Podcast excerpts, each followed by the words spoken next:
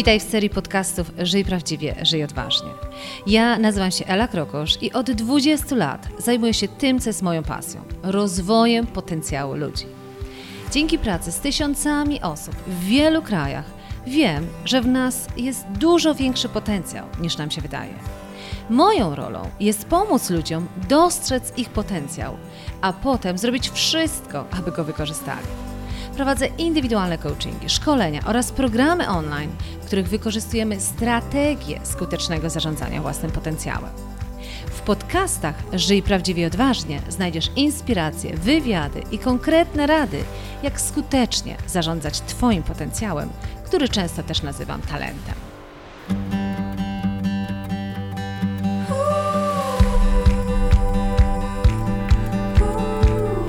Przeżywasz porażki zamiast gumy do życia. Tak nazwałam ten podcast, dlatego że dokładnie tak się często z nami dzieje, że zamiast radzić sobie efektywnie z porażkami, to my je za bardzo przeżywamy. Jeżeli jesteś kobietą, to szczególnie posłuchaj tego podcastu, gdyż wiele badań pokazuje, że my kobiety niestety trudniej radzimy sobie z porażkami dużo mocniej je przeżywamy, a nasz wewnętrzny sabotażysta już dba o to, abyśmy tą porażkę przeżywały non-stop. Co ciekawe, jest nawet takie angielskie stwierdzenie. Po angielsku to się mówi remunating, co właśnie oznacza przeżuwanie myśli. Susan Nolan Hoxema to jest amerykańska psycholog, która właśnie przez wiele lat badała zjawisko nadmiernego przeżywania myśli i napisała nawet książkę Women Who Think Too Much, czyli kobiety, które myślą za dużo. I tam pokazuje, w jaki sposób to zjawisko przeżuwania dotyczy w dużo większym stopniu kobiet oraz jakie są te konsekwencje i do czego to może nas prowadzić. Także, czy jesteś kobietą, czy nie, to bardzo Ci polecam ten podcast właśnie o tym, jak radzić sobie lepiej z porażkami i rzuć więcej gumy niż przeżywać porażki.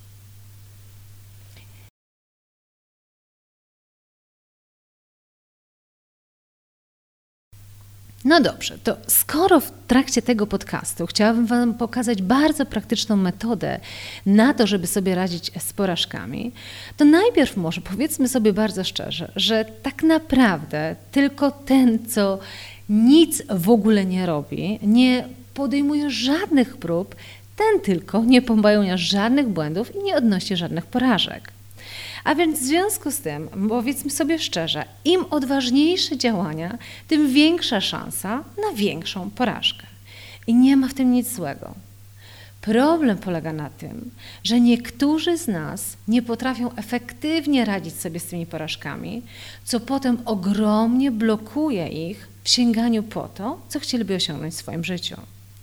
Porażka, można by było powiedzieć tak bardziej malowniczo, bardzo mocno podcina nasze skrzydła.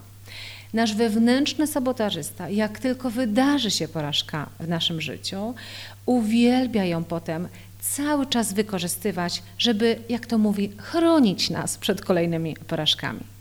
Dlatego też, jeżeli faktycznie chcemy żyć prawdziwie, odważnie, wiele rzeczy w swoim życiu osiągnąć, musimy się nauczyć bardzo efektywnie radzić sobie z porażką. Do tego podcastu ponownie przygotowałam dla Ciebie dodatkowy materiał, który możesz sobie ściągnąć pod tym podcastem. I to jest taki materiał, w którym zadaję Ci kilka pytań, abyś mógł czy mogła sobie zobaczyć, czy Ty jesteś tym statystycznym człowiekiem, jeśli chodzi o to, jak sobie radzisz z porażką, czy raczej właśnie masz tendencję, czyli są to pewnego rodzaju sygnały, które mogą pokazać, że Ty za bardzo się przejmujesz porażkami. Co więcej, w tym materiale dodatkowym rozpisałam Ci też tą metodę, o której będę Ci tutaj opowiadać, na te poszczególne kroki i zapraszam Cię nawet do przepracowania jednej z porażek z Twojego życia według tej metody. Właśnie po to, żeby ona w dalszej części Twojego życia Cię nie blokowała, żeby nie była takim fenomenalnym wytrychem Twojego wewnętrznego sabotażysty, który za każdym razem, kiedy będziesz miał, czy miała ochotę ponownie podobną rzecz zrobić, to powie hola hola, zaczekaj. A nie pamiętasz, jak się zakończyły Twoje ostatnie próby? No to dobrze, to słuchajcie, to ruszamy z tym, żeby się właśnie przyjrzeć temu, w jaki sposób poradzić sobie w takim razie z porażką i nie przeżuwać jej za mocno. Jedną z metod, to jeszcze nie jest ta metoda, o której Ci będę mówić później, ale warto też o tej metodzie wspomnieć. Jedną z metod jest zapominanie. Ja bym powiedziała próba zapominania o porażce. I można by było powiedzieć, że to jest taka złota rada, którą możesz wrzucić od razu do kosza, no bo jeżeli ktoś ci mówi, ok, trudno, wydarzyło się, po prostu zapomnij o tej porażce, to gdyby to było takie proste, to naprawdę wiele osób zaszłoby już dużo dalej w swoim życiu. Niestety, metoda na zapominanie nie do końca działa. Dlatego, że psychologicznie działa to trochę tak, że próbujesz w swojej głowie tak jakby zamknąć pewną klapkę, ten moment związany z tą porażką i nigdy już do tego nie wracać. Udajesz, że tego momentu w Twoim życiu w ogóle nie było. No niestety to tak nie działa. Problem polega na tym, że Twój wewnętrzny sabotażysta karmi się takimi momentami. A szczególnie wtedy, kiedy chcesz się podjąć czegoś podobnego, co, co próbowałeś czy próbowałaś i gdzie poniosłeś czy po, poniosłeś porażkę, to właśnie wewnętrzny sabotażysta zrobi wszystko, żeby otworzyć tą klapkę i żeby ci przypominać, mimo wszystko w tym momencie przypominać, a pamiętasz o tamtej porażce? Dlatego też zdecydowanie uważam, że metoda na zapominanie nie jest najskuteczniejszą metodą. Metodę, którą chciałabym Ci zaproponować, e, to jest metoda bardzo praktyczna, bardzo sprawdzona i to jest metoda, która się składa tak naprawdę z czterech prostych kroków. I za moment Ci to wytłumaczę. Ale co bym nie budowała tylko na teorii tej metody, e, w tej metodzie, to chciałabym tą metodę pokazać Ci na przykładzie bardzo konkretnego doświadczenia. A mianowicie chciałabym Tobie pokazać, jak zastosowałam tą metodę w poradzeniu sobie z porażką, która spotkała mnie w życiu. I to porażka bardzo mocno związana z biznesem. Pozwól więc, że najpierw opowiem Ci historię tej porażki. Przedstawię Ci pewne fakty po to, żeby Ci pokazać, na czym tak naprawdę polegała ta porażka, bo wtedy będzie nam łatwiej zrozumieć tę metodę czterech kroków. Moja porażka jest związana e, z takim pomysłem na biznes, generalnie na życie, jakie sobie wymyśliłam no, dobrych kilka lat temu, jak nie kilkanaście. To był pewien biznes, który sobie wymyśliłam. Ja zawsze miałam w sobie takiego ducha przedsiębiorcy, ja zawsze chciałam swoją własną firmę prowadzić, ale gdzieś z założenia wychodziłam, że na samym początku mojej kariery, mojego doświadczenia chcę właśnie wejść do wielu rzek, popróbować różnych rzeczy, żeby budować swoje doświadczenie zawodowe. I tak to, jak być może wiesz, pracowałam w wielu różnych firmach, wyjechałam też do Irlandii, tam się szkolić, tam pracować jako menadżer do spraw rozwoju ludzi. Także naprawdę mi zależało na tym, żeby zanim wejdę w swój biznes, mieć naprawdę ugruntowane doświadczenie. I tak długo, jak byłam na tej ścieżce mi znanej, doświadczonej, to mi całkiem dobrze szło w życiu. Natomiast, tak jak Ci mówię, gdzieś w głębi serca ciągle czułam, że mam taką ogromną potrzebę rzucenia się w wir takiej przedsiębiorczości i zbudowania swojego własnego biznesu. I na tamtym etapie życia przeczytałam taką książkę, której tytułu nie będę tutaj wypowiadać, ale to jest bardzo znana książka, która właśnie mówi o tym trochę, jak stworzyć e, swój własny biznes. Nie będę podawać tytułu tej książki, dlatego że ta sytuacja nie kończy się dobrym przykładem. W związku z tym byłoby to tak, jakbym mówiła, że ta książka prowadzi ci w złą stronę. Może nie, może tylko mnie ona poprowadziła w tą złą stronę. W każdym razie, według założeń tej książki, która to miała zbudować kompletnie mój inny styl na życie, było coś takiego, że aby odkryć pomysł na biznes, który możesz sobie stworzyć, to warto się rozglądać w swoim własnym otoczeniu, co Twoim zdaniem jest tak naprawdę potrzebne, jakby czego Tobie brakuje, czy Twoim najbliższym brakuje. I to powinna być trochę taka idea na to, co może być przedmiotem Twojego biznesu. I ja zaczęłam się faktycznie rozglądać. I takim inicjatorem, czy takim pomysłodawcą tego mojego produktu, pomysłu na biznes, była pasja mojego partnera, kompletnie niezwiązana z tym, czym ja się dotychczas zajmowałam, a mianowicie pasja związana z podróżami motocyklowymi. I w oparciu o tą pasję wymyśliłam, czy tam wymyśliliśmy pewnego rodzaju produkt, który wydawałoby się, ponieważ on był niesamowitym pasjonatem właśnie podróży motocyklowych, to wydawało się, że ten produkt to w ogóle będzie strzał w dziesiątkę. Idąc dalej za pomysłem przedstawionym w tej książce, ja opracowałam super strategię na to, jak ten produkt stworzyć w Ameryce Południowej na takim portalu elans.com dla freelancerów. Znalazłam fantastycznego designera, który zaprojektował ten produkt. Co by obniżyć koszty, też idąc za pomocą tej książki, produkt został wyprodukowany w Chinach. A ponieważ generalnie ten produkt był planowany na rynki zagraniczne, on był w ogóle w języku angielskim, to też idąc za pomysłem tej książki, ja nawiązałam kontakty z centrami dystrybucyjnymi w krajach anglojęzycznych. I takim moim pierwszym centrum dystrybucyjnym, do którego wysłałam pierwsze 100 produktów mojego tego produktu, to była Australia. I byłam taka dumna z siebie, że produkt właśnie jest taki bardzo globalny. Powstał w Ameryce Południowej, wyprodukowany w Chinach i do tego dystrybuowany przez Centrum Dystrybucyjne Australii.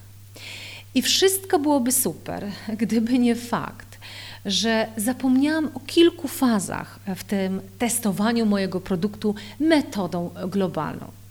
Okazało się, że niestety, mimo fantastycznego produktu, mimo mojego doświadczenia marketingowego, mimo reklam w czasopismach australijskich, promowania tego produktu, to tak naprawdę nikt go nie potrzebował.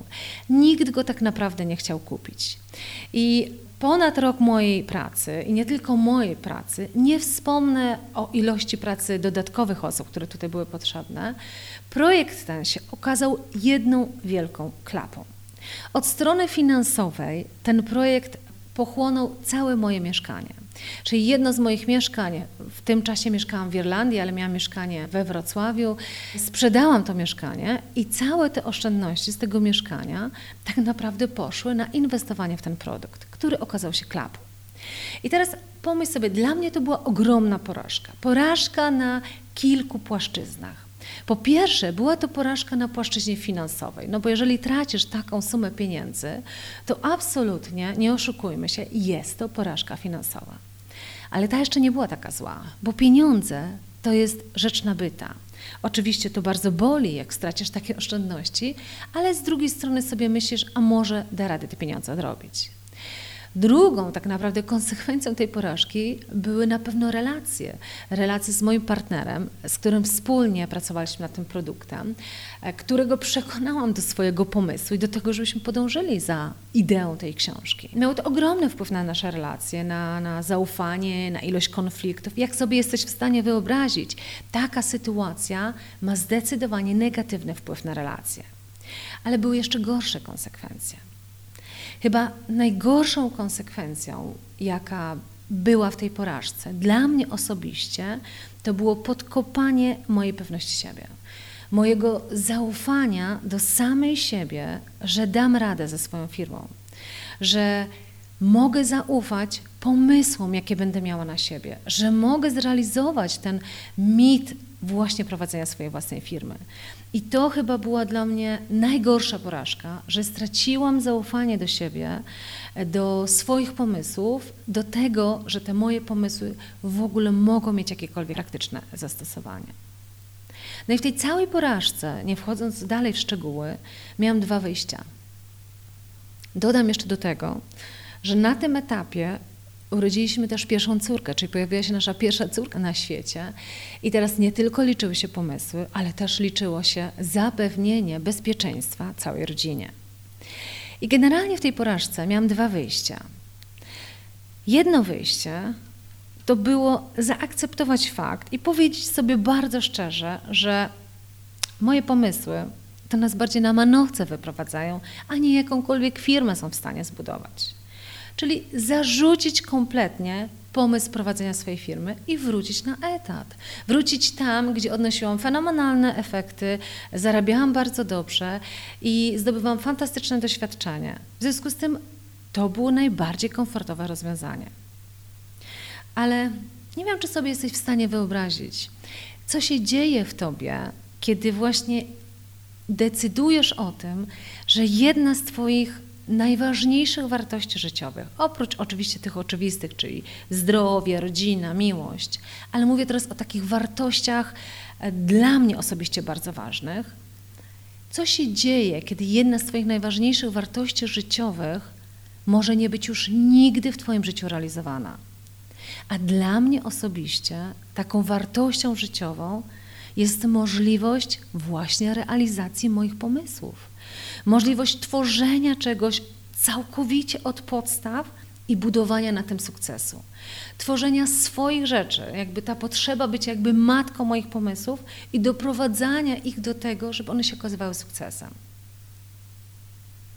I jak to zarzucić już do końca życia? Jak sobie powiedzieć, że właśnie ta wartość nigdy nie będzie realizowana? I teraz ja dużo pracuję na wartości, jakby bardzo często ludziom pomagam zrozumieć ich wartości, dlatego że one są bardzo mocno potem siłą napędową tego, co będziesz robić w życiu. I teraz owszem, gdyby dla mnie ta wartość właśnie realizowania swoich pomysłów była troszkę dalej w mojej hierarchii wartości, gdyby potrzeba bezpieczeństwa i stabilności była wyżej, to być może mogłabym sobie powiedzieć, że też mogę realizować swoje pomysły na etacie. Ale moje serce bardzo mocno mi podpowiadało, że ja chyba uschnę z czasem, jeżeli kompletnie zarzucę swój pomysł i kompletnie zarzucę możliwość realizacji swojej misji życiowej. No dobrze, ale to kompletnie nie zaprzeczało faktowi, że poniosą właśnie ogromną porażkę. I tak jak Ci powiedziałam, miałam dwa wyjścia. Jedno wyjście zarzucić realizację tych moich bardzo ważnych wartości w życiu i po prostu pójść na etat, odpuścić sobie. Ale mogłam też znaleźć drugie wyjście.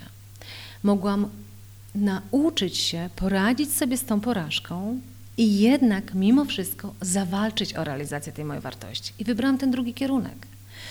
Po niecałych dwóch latach ja odrobiłam te moje wszystkie oszczędności, które wtedy straciłam. Ja odrobiłam je, co więcej, odrobiłam je pracując w czymś, co tak naprawdę daje mi ogromną pasję. I teraz nie mówię Ci o tym po to, żeby się chwalić, ale chcę Ci pokazać właśnie na podstawie mojego wtedy doświadczenia radzenia sobie z tą porażką, jak mi się udało jednak zadbać o siebie i zadbać o swoje życie. I teraz ze wszystkimi osobami, z którymi ja pracuję, które napotykają na porażki, a ja, ponieważ bardzo mocno walczę o to, żeby ludzie walczyli o siebie, to bardzo często zdarza się tak, że ci ludzie odnoszą porażki. Ale ja jestem obok, żeby im pokazać, jak z tych porażek wyjść. Jak właśnie nie wybierać tylko i wyłącznie rozwiązania bezpiecznego, ale nie dającego ci kompletnie poczucia spełnienia, realizacji, tylko właśnie wybrać takie wyjście, gdzie dalej możesz być sobą, ale też musisz dobrze wyjść z tej porażki. Bo tak jak Ci powiedziałam, jeżeli nieefektywnie poradzisz sobie z tą porażką, gdybym ja tylko i wyłącznie zastosowała metodę zapominania, tak? czyli dobra, zapominam, że w ogóle kiedyś straciłam takie pieniądze, że przez taki ciężki okres przechodziłam w moim życiu, zapominam, to gwarantuję Ci, że gdybym ponownie stanęła przed takim pomysłem, a może bym stworzyła coś swojego, a może bym jednak nie poszła na etat, to mój wewnętrzny sabotażysta naprawdę stałby na straży, szczególnie kiedy pojawiła się też moja druga córka na świecie. W związku z tym to ta potrzeba odpowiedzialności nie tylko za mnie, ale za całą rodzinę była już na tyle duże, że ja nie mogłam sobie teraz pozwolić ponownie po prostu na pójście za moim pomysłem. Mój wewnętrzny sabotażysta byłby bardzo silny w tym, żeby nie pozwolić zapomnieć mi o tamtej porażce. No dobrze, to w takim razie o jakiej to ja metodzie chciałabym Ci powiedzieć? O metodzie, którą ja zastosowałam, ale też o metodzie, którą ja stosuję pracując z osobami. I tak jak Ci powiedziałam, ta metoda, ona się składa z czterech bardzo konkretnych kroków. Metoda czterech kroków, o której Ci zaraz opowiem, to nie jest jakaś bardzo skomplikowana metoda, ale Uwierz mi, że jeżeli zaczniesz ją stosować po każdej z tych porażek, to faktycznie dużo efektywniej zaczniesz z niej wychodzić. No to dobrze, to przechodzimy konkretnie do omówienia już tej metody. Uwaga, uwaga. Krok numer jeden może wydać się bardzo trudny, szczególnie jeśli jesteś dokładnie na etapie porażki, ale albo świeżo po porażce. Krok numer jeden mówi: spisz korzyści tej porażki. Dlatego mówię, że może Ci się to wydawać bardzo trudno albo absolutnie absurdalne, dlatego że jak można widzieć korzyści jakiejś porażki, tak? Czyli tak jak w moim przypadku, jakie korzyści można widzieć z faktu takiego, że właśnie całe moje oszczędności z danego mieszkania zostały wyrzucone w błoto? Jak można widzieć z tego jakiekolwiek korzyści? Ale jeżeli zmusisz się do zobaczenia pewnych korzyści, to też inaczej zaczniesz kompletnie patrzeć na tą porażkę. W związku z tym, tym bardziej ci mówię, im trudniej jest ci to zobaczyć, tym bardziej to zrób. Postaw się trochę jak taki adwokat diabła, który właśnie podważa, że to wcale nie była porażka, tak? tylko tak naprawdę jest dużo dobrych rzeczy w tym, co się wydarzyło. I tak na przykład w mojej sytuacji podam Ci przykłady korzyści, które ja mogłam sobie zdefiniować do tej porażki. Jedną z korzyści było to, że właśnie w tym momencie zdecydowałam o tym, że nie będę dłużej zajmować się czymś, co nie jest moją pasją. Bo pamiętaj, ja mówiłam, że ten produkt, który został stworzony, był związany z podróżami motocyklowymi, a to się ma nijak do tego, czym ja się interesuję, o czym ja czytam, co mnie pasjonuje. Ja w tamtym pomyśle widziałam przede wszystkim szansę na stworzenie takiego biznesu opartego o finanse. Tak? W związku z tym taką korzyść, jak mogę na to tak w ten sposób popatrzeć, to mogę sobie powiedzieć, że właśnie w tym momencie ucięłam sobie tą konieczność zajmowania się czymś, co nie jest moją pasją. I otworzyłam przestrzeń na to, żeby zacząć się zajmować tym, co daje mi e, przyjemność i na tym budować swój biznes. I powiem Ci z ciekawości, że dokładnie teraz tak w moim życiu jest. Inną korzyść, którą zdecydowanie jakby mogłabym powiedzieć, korzyść z tej porażki, to jest też to, że poprzez to, że ten biznes nie wyszedł, to ja mogłam uciąć tą konieczność zajmowania się wszelkimi sprawami takimi organizacyjnymi, związanymi z produkowaniem produktów, z wysyłaniem produktu. Ja generalnie jestem bardziej typem ideowca, w związku z tym ja uwielbiam wymyślanie nowych pomysłów, nowych programów rozwojowych, nowych sposobów jakby osiągania różnych rzeczy ale takie zajmowanie się tą taką papierologią, czy takim procesem właśnie produkcji nowego produktu, to jest coś, co mnie absolutnie zabija. W związku z tym, dzięki temu, że ten produkt przestał być produkowany i sprzedawany, to ja już nie musiałam zajmować się czymś, co mi kompletnie przyjemności nie dawało.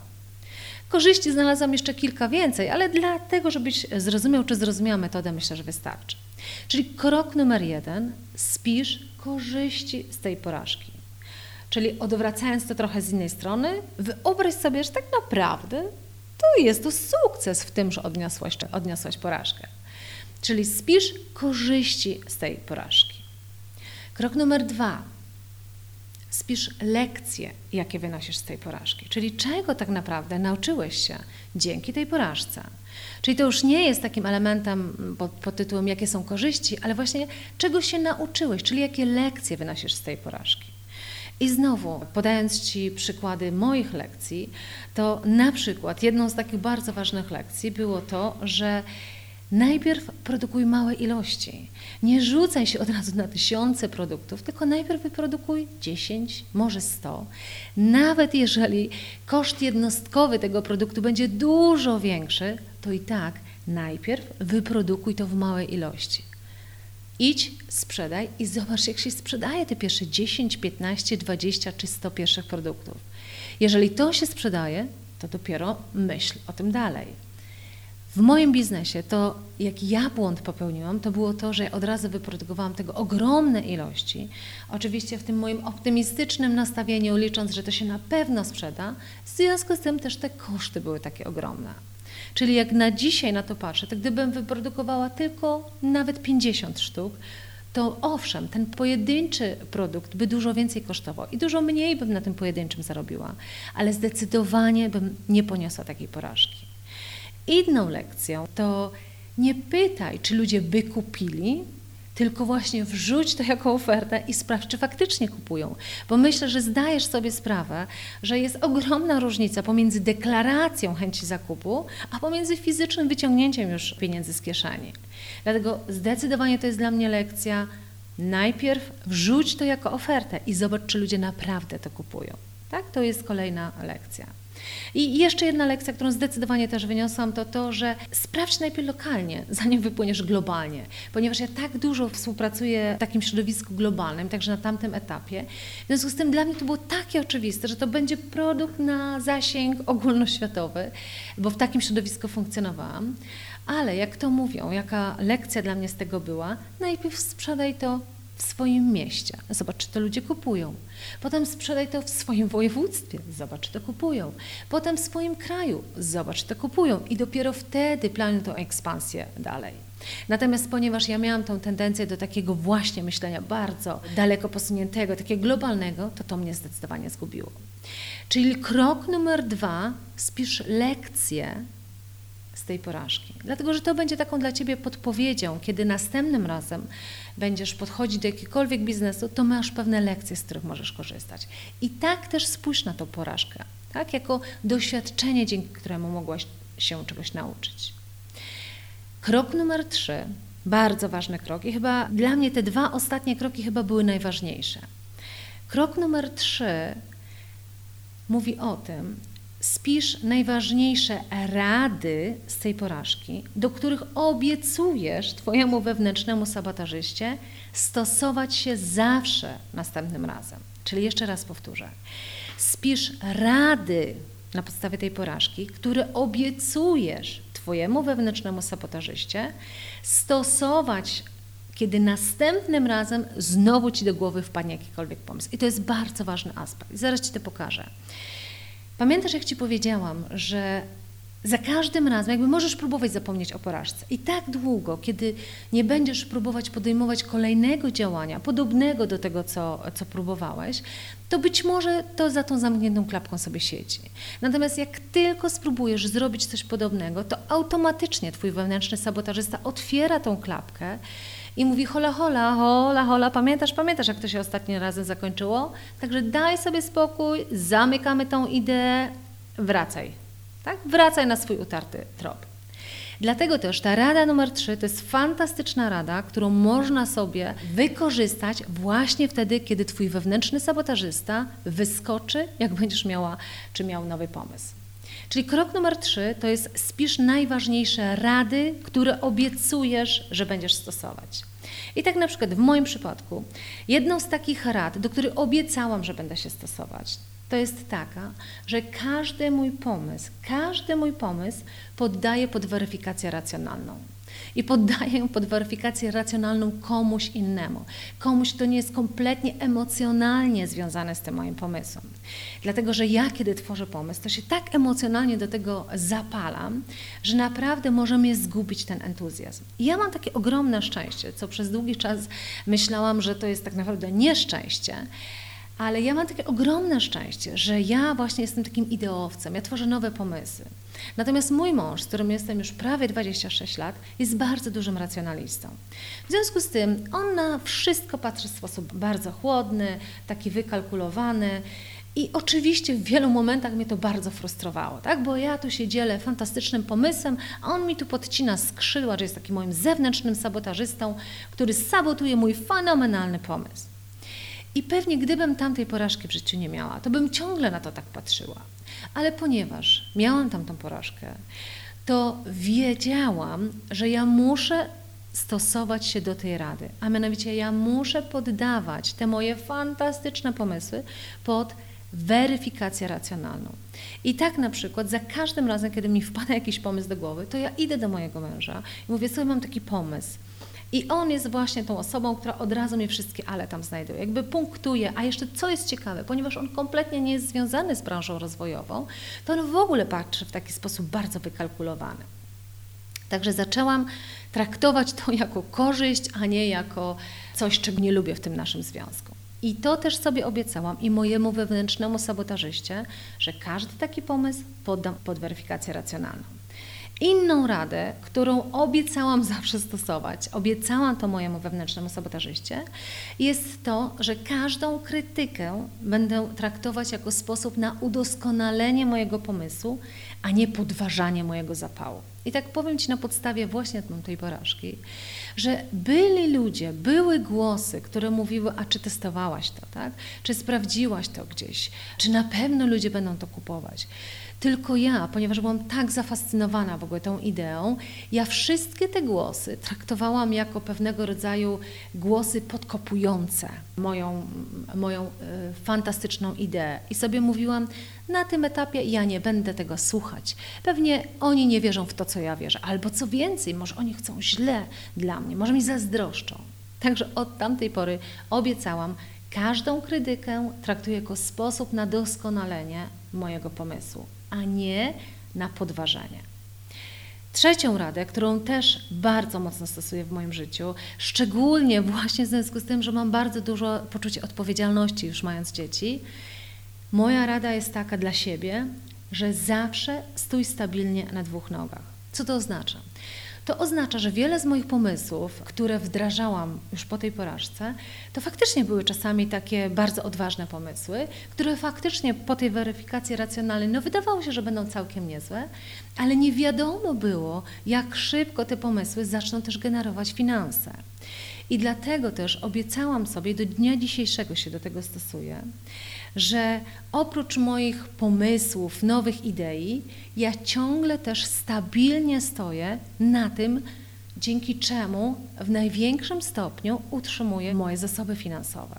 Czyli jest taki obszar jakby w mojej działalności, który być może nie daje mi aż tyle radości niesamowitej, ale też bardzo lubię to, co robię, ale zdecydowanie jest takim moim bardzo stabilnym źródłem finansowym. I teraz to jest dla mnie bardzo ważny argument, czyli kiedy mój wewnętrzny sabotażysta mówi, o, znowu masz jakiś pomysł, nie wiadomo, czy on w ogóle przyniesie jakiekolwiek przełożenie finansowe, znowu to będzie jakiś pomysł, dzięki któremu tak naprawdę stracimy, to ja mówię, hola, hola, poczekaj, tak jak się umówiliśmy, najpierw zapewniam zaplecze, najpierw stoję stabilnie, zobacz ile innych projektów realizuję, które zdecydowanie są bardzo stabilnym źródłem przychodu. I wtedy on pozwala mi na testowanie tych nowych pomysłów, które też się później obracają dobrze biznesowo. Także to jest dla mnie też bardzo ważna taka rada, właśnie którą obiecuję mojemu wewnętrznemu sabotażyście, że zawsze się do niej stosuję za każdym razem, jak znowu mam jakiś nowy pomysł. Także rada numer trzy, krok numer trzy mówi: spisz najważniejsze rady z tej porażki, do których obiecujesz Twojemu wewnętrznemu sabotażyście stosować się następnym razem, kiedy znowu będziesz chciał czy chciała zrealizować nowy pomysł. I ostatni krok, krok bardzo praktyczny. Krok mówi: wypij piwo, jakie naważyłaś. Czyli spójrz prawdzie w oczy i weź odpowiedzialność za tą porażkę. Czyli o co chodzi w tym kroku? To jest także bardzo istotne, szczególnie, żeby odzyskać takie zaufanie do siebie. W moim przypadku, skoro straciłam taką sumę pieniędzy, skoro miałam poczucie, że mam już jedną córkę na świecie, to pójście teraz znowu za tym duchem tylko i wyłącznie przedsiębiorcy, jakby ten pomysł nie wyszedł, nie szkodzi, robimy kolejny, dla mnie był nieodpowiedzialny. W związku z tym ja na tamtym etapie abyśmy mogli sobie zapewnić tą stabilizację, pojechaliśmy też do Austrii, do bardzo ciekawego kraju, gdzie mój mąż miał bardzo dobry etat, bardzo ciekawy etat, jakby stabilny i także ja poszłam na etat jakby w aspekcie właśnie mojej, też obszaru mojej specjalizacji, czyli byłem talent consultant, czyli konsultantem talentowym w jednej z dużych korporacji dla OMV, to jest taka branża paliwowa i tam się realizowałam też zawodowo. Oczywiście to nie było to, co ja bardzo chciałam robić, czyli jakby właśnie pójście w tym wspieraniu też osób indywidualnych, w tym znowu rozkręcaniu rozkręcaniu biznesu, ale ja wiedziałam, że skoro doprowadziłam do takiej sytuacji finansowej, to ja teraz muszę tą sytuację odbudować też. I przez ponad dwa lata ja pracowałam na tym etacie, właśnie zapewniając też tą stabilizację, to stanie na dwóch nogach. I kiedy miałam ten stabilny etat, to mając ten etat, rozkręcałam też mój biznes. Czyli nie podjęłam już decyzji, że w takim razie nie przejmuję się i znowu próbuję coś kompletnie nowego robić, tylko sobie powiedziałam, skoro doprowadziłaś do takiej sytuacji, skoro straciliśmy takie oszczędności, no to przykro mi bardzo, ale musisz jakieś konsekwencje tego ponieść. I dla mnie to było to wzięcie tej odpowiedzialności. Czyli pójście na etat, zapewnienie tych stałych przychodów i w tym samym czasie wtedy próbowanie rozkręcania mojego biznesu. Dlatego ten krok czwarty, weź odpowiedzialność, spójrz prawdzie w oczy i weź odpowiedzialność jest bardzo ważny, bo on odbudowuje takie to swoje zaufanie do samego siebie. Także przedstawiłam Ci tę metodę e, składającą się z czterech kroków. Pozwól, że je podsumuję. Tak jak Ci powiedziałam, metoda nie jest bardzo wyszukaną metodą, tak? Metodą, której nikt jeszcze nigdy nie stworzył, ale jest metodą bardzo praktyczną. Jeżeli zamiast próby zapominania o porażki zastosujesz tą metodę, to uwierz mi, że dużo łatwiej pokonasz wewnętrznego sabotażystę, który za każdym razem, kiedy znów spróbujesz wejść w coś, gdzie już raz poniosłeś porażkę, to tą metodą uda Ci się dobrze zarządzić wewnętrznym sabotażystą. Czyli krok numer jeden, spójrz na porażkę z perspektywy korzyści. Spisz wszystkie korzyści, jakie można by było odnaleźć w tej porażce. Po drugie, spisz wszystkie lekcje, jakie wynosisz z tej porażki. Lekcje, z których możesz następnym razem skorzystać. Krok numer trzy. Spisz rady, które obiecujesz, że to będzie takie złote zasady, których nigdy nie złamiesz przy każdej kolejnej nowej inicjatywie. I to obiecujesz swojemu wewnętrznemu sabotażyście. I krok numer trzy. Wypij piwo, jakie naważyłeś. Czyli spójrz prawdzie w oczy i weź odpowiedzialność za tą porażkę. Także cztery bardzo praktyczne kroki. To, do czego ja bym Cię bardzo zachęcała, to do tego materiału przygotowałam, jak już Ci wspomniałam, taki dodatkowy materiał, czyli jako załącznik do tego podcastu możesz sobie ściągnąć materiał, gdzie po pierwsze spisałam kilka takich sygnałów, po których możesz rozpoznać, że być może ty nie do końca efektywnie radzisz sobie z tymi porażkami, być może za bardzo przeżuwasz te porażki. Także to jest pierwsza rzecz, jakby takie sygnały, które mogą pokazać, że akurat troszkę za mocno się tym przejmujesz. A drugie, to do czego Cię też zachęcam, to w tym materiale rozpisałam jeszcze raz te cztery kroki i przygotowałam dla Ciebie ćwiczenie, gdzie Cię zachęcam, żebyś spróbował czy spróbowała zastosować to ćwiczenie do jednej z Twoich porażek. Także mam nadzieję, że ta metoda naprawdę Ci pomoże, bo pomogła nie tylko mi w mojej porażce, ale też pomogła wielu osobom, z którymi ja pracuję. Także pamiętaj, jeżeli następnym razem będziesz podejmować jakąś kolejną próbę, czegoś, gdzie odnosiłaś porażkę i twój wewnętrzny sabotażysta tylko czeka na to, żeby ci przypomnieć tą porażkę, to proszę, nie kuś się z wewnętrznym sabotażystą. Albo nie próbuj udawać, że nic się nie stało, przestań, nie przesadzaj. Dlatego, że uwierz mi, że ten wewnętrzny sabotażysta kompletnie nie będzie cię w tym wspierał. On tam będzie się odzywał non-stop. Dlatego też obiecaj mu, że tym razem na pewno zastosujesz się do rad, które właśnie wspólnie sobie obiecaliście przy poprzedniej porażce. A uwierz mi, że dzięki temu on będzie siedział ciszej. Nie wiem, czy się całkowicie uciszy, ale będzie siedział ciszej. Także pamiętaj, Twój wewnętrzny sabotażysta to jest ktoś, kto żyje z Tobą i będzie z Tobą żyć na wieki. Nie możesz go od siebie wygonić, bo on siedzi w Twojej głowie, ale możesz go wytresować. I dzięki temu on może służyć Tobie, a nie Ty będziesz słuchać Jego. Mam nadzieję, że to Ci pomoże w realizacji tego, na czym Ci zależy. I pamiętaj, żyj prawdziwie, żyj odważnie, bo masz tylko jedno życie. A jego szefem jesteś Ty. Dziękuję Ci serdecznie za wysłuchanie podcastu z serii Jak wytresować wewnętrznego sabotażysta. A już za tydzień kolejny odcinek. Do usłyszenia. Ela Krokosz.